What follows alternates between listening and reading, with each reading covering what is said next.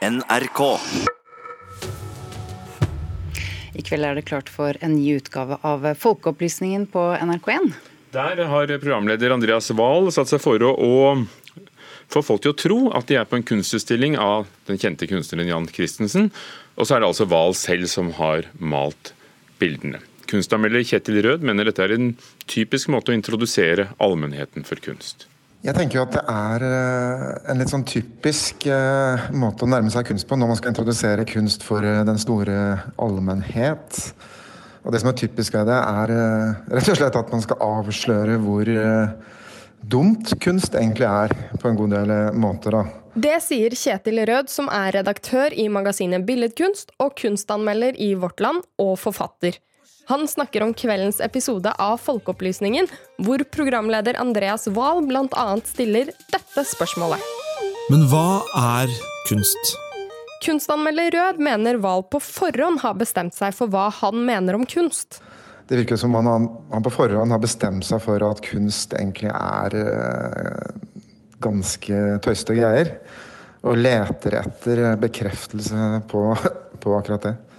Det er jo en kritikk eh, vi har hørt i eh, fire sesonger eh, av Folkeopplysningen før. Uansett hvilken bransje vi har tatt for oss. Det svarer Wahl. Denne kritikken mot kunsten er kjent, og lignende stunt har vært gjort tidligere, ifølge Tommy Sørbø.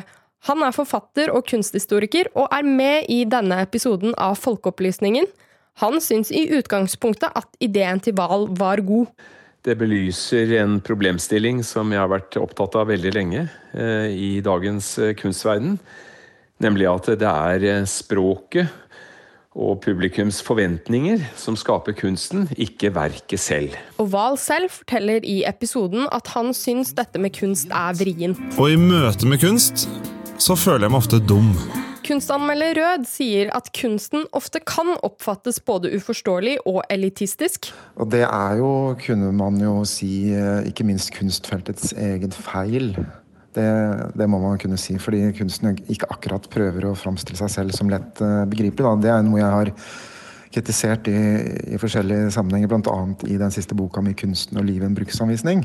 Men er det da greit å lure folk på den måten som Wahl gjør i Folkeopplysningen? Altså I utgangspunktet så tenker jeg det for så vidt er eh, helt greit, men når de da inngår i et slags prosjekt om å eh, oppdage eller avsløre kunsten som bedragersk, da, så syns jeg også at det er litt sånn tvilsomt uh, grep. Jeg tenker at kunst først og fremst handler om eh, en nysgjerrighet på verden og en tillit til at et annet menneske vil vise deg noe av, eh, av betydning. Da. Og da bør man også nærme seg kunst uh, i utgangspunktet med den uh, holdningen. Jeg syns jo det er nysgjerrighet som har uh, brakt meg og redaksjonen inn i dette prosjektet. En, en, voldsom nysgjerrighet for hvordan kunstverden og det økosystemet rundt fungerer. Eh, bedragersk vet jeg ikke hvor han har fra, for det eh, kjenner ikke jeg eh, meg igjen i. jeg er helt enig med han. Altså, det, det, beste må være at folk går inn med en, en, en nysgjerrighet når de møter et kunstverk. Og hvordan har Val sitt forhold til kunst utviklet seg gjennom arbeidet med denne episoden? Du, jeg har jo fått uh, kunst på veggen, riktignok uh, produsert uh, selv, da. Men det står Jan Christensen bakpå, og han mener selv at det er hans verk. Så da har jeg vel en Jan Christensen på veggen, da. Andreas Wahl, reporter var Maiken Svendsen. Kulturkommentator Agnes Moxnes. Kan hva som helst kalles kunst? Eh, nei, det kan det jo absolutt ikke. Men, eh, men kunst på det nivået som, som Andreas Wahl og Folkeopplysningen tar opp her, er jo eh, er ganske krevende, rett og slett.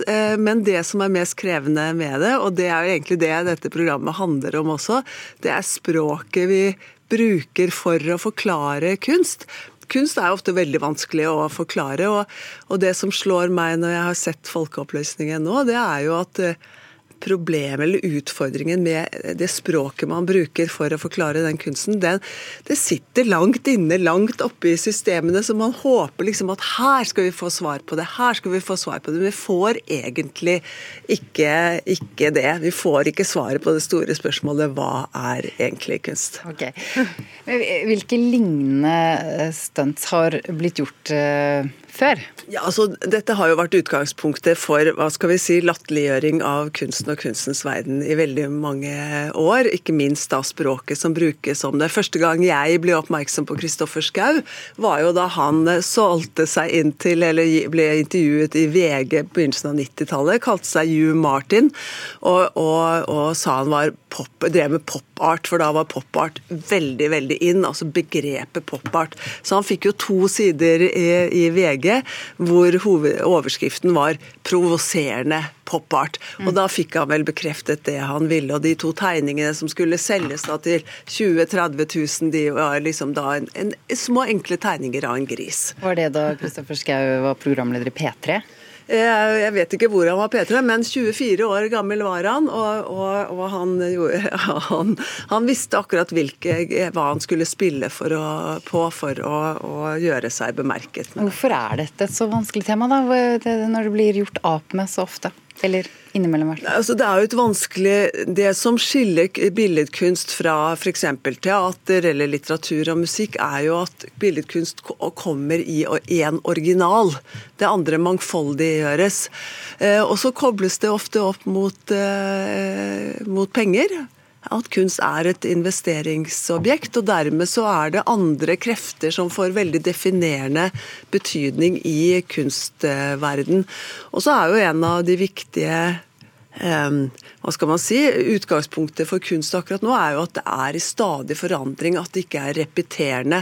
og Dermed så, så er det da alltid noen som ligger i front, og noen som føler, føler at de henger sørgelig etter, og at de stenges ute fra dette kunst, eh, altså hele kunstverdenen. da. Hvordan har kunstbransjen selv diskutert hva som er kunst og ikke tidligere? Ja, Det har de jo egentlig alltid gjort. Det er jo det som egentlig er det store og mest interessante spørsmålet som jeg skulle ønske Folkeopplysningen hadde tatt tak i. Og det er jo at alle kulturer, alle mennesker til alle tider har uttrykt seg gjennom bilder. Og hvorfor i all verden gjør vi det? Takk, kulturkommentator Agnes Moxnes. Vi skal til en seks år gammel landeplage, i hvert fall eh, blant barn.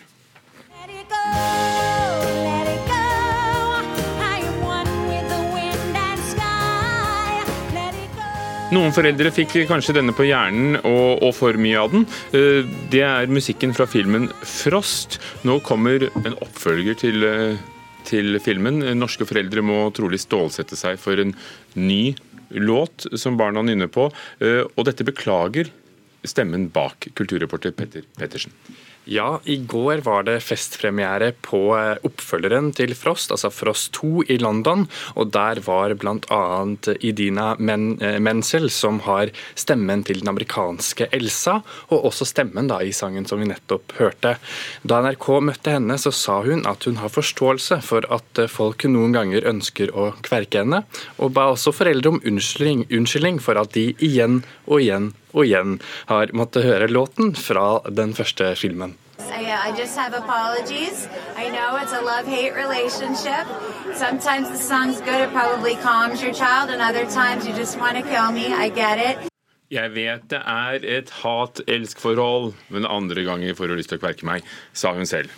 Ja, Den har altså premiere 25.12. her i Norge, så norske foreldre har da en drøy måned før de muligens må høre nye Frost-låter om igjen og om igjen. da. Og I Norge var det altså Lisa Stokke som hadde øh, stemmen øh, til Elsa. Og vi kan lese hele intervjuet med, med Menzel på nettsidene våre, nrk.no.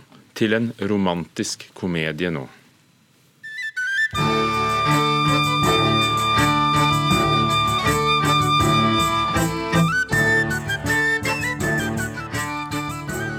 Det smaker jo av 1600-tallet av denne musikken.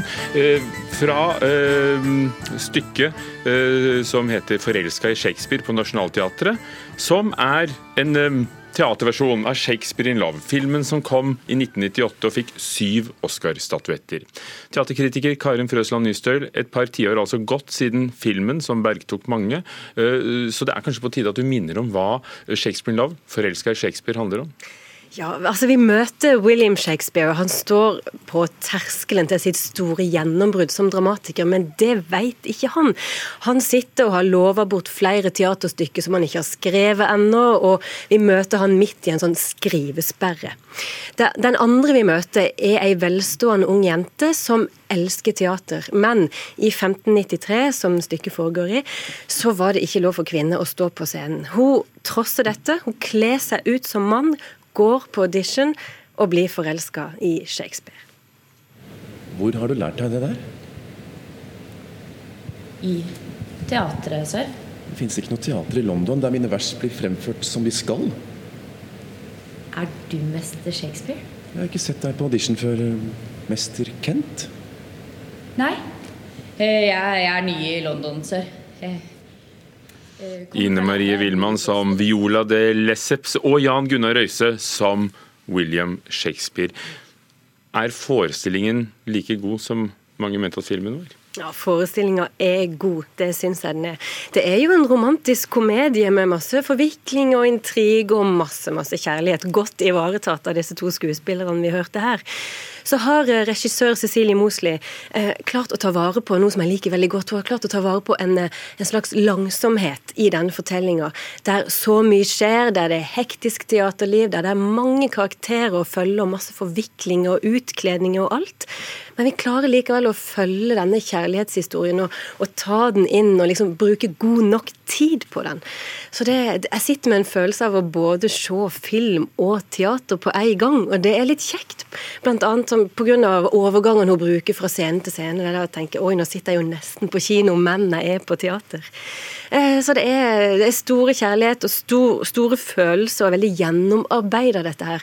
Såpass gjennomarbeida at når et, en gardinstang faller ned, et forheng foran Viola de Lesseps i himmelseng, der William Shakespeare da befinner seg på et tidspunkt, når den faller ned, så tror jeg ikke det er del av forestillinga, for da, da, våkner liksom et helt annet nivå eh, til live i forestillinga, der de må på en måte redde denne gardinstangen, holde den opp og spille for alt det er verdt. Og der, der ligger jo komediens vesen. Det er så fint at det bare popper ut i forestillinga, at vi får se det òg. Og så handler det om eh, vår tids, eh, i hvert fall en av vår tids aller største dramatikere, William Shakespeare. Det er jo ikke så mye vi vet om mannen Shakespeare, men, men er det en bunn av historisk sannhet i, i, stykket? Ja, Det hadde vært forlokkende. Altså, hele stykket baserer seg jo på at han møter denne Viola som har kledd seg ut, og at de blir veldig glad i hverandre. Og så får han inspirasjon til å skrive Romeo og Julie. Så alt som skjer mellom Shakespeare og Viola i dette stykket, det skrives inn og blir en av verdensdramatikkens virkelig store kjærlighetshistorie. Er det ikke sant? Det tror jeg ikke det er, men er det ikke sant, så er det liksom godt løge. Altså, vi kjøper det lett, på en måte. Det er, noe forlokkende ved å, å henge seg på en sånn stor kjærlighet, sånn brusende fortelling. Og siden det foregår i 1593, er det et skikkelig kostymedrama? Mm, med posebukse og rysje store parykk og kjempestore krage. Eh, Anette Wernskjold, som har designa kostymene, har eh, virkelig fått boltre seg. og det er, det er, morsomt og flott. Og den som elsker kostymedrama, får liksom alt man vil ha i denne forestillinga her. Så summa summarum? Summa summarum er det kjempekjekt. Det er veldig gøy, og det lever godt på scenen. Så skulle jeg ønske at det at kvinner ikke fikk lov å stå på scenen, hadde blitt sparka litt mer til, markert litt, protestert mot. For det finnes Altså, nå kan kvinner stå på scenen, men rundt i verden finnes det Nei, kanskje ikke overalt. Og uansett rundt i verden finnes det så mange som ikke kan leve livet sitt sånn som de vil. Og det kunne de markert på en eller annen måte i stykket. Karin Frøsson Nysøl, 'Forelsker Shakespeare' på Nationaltheatret, og alle anmeldelsene kan leses på nrk.no.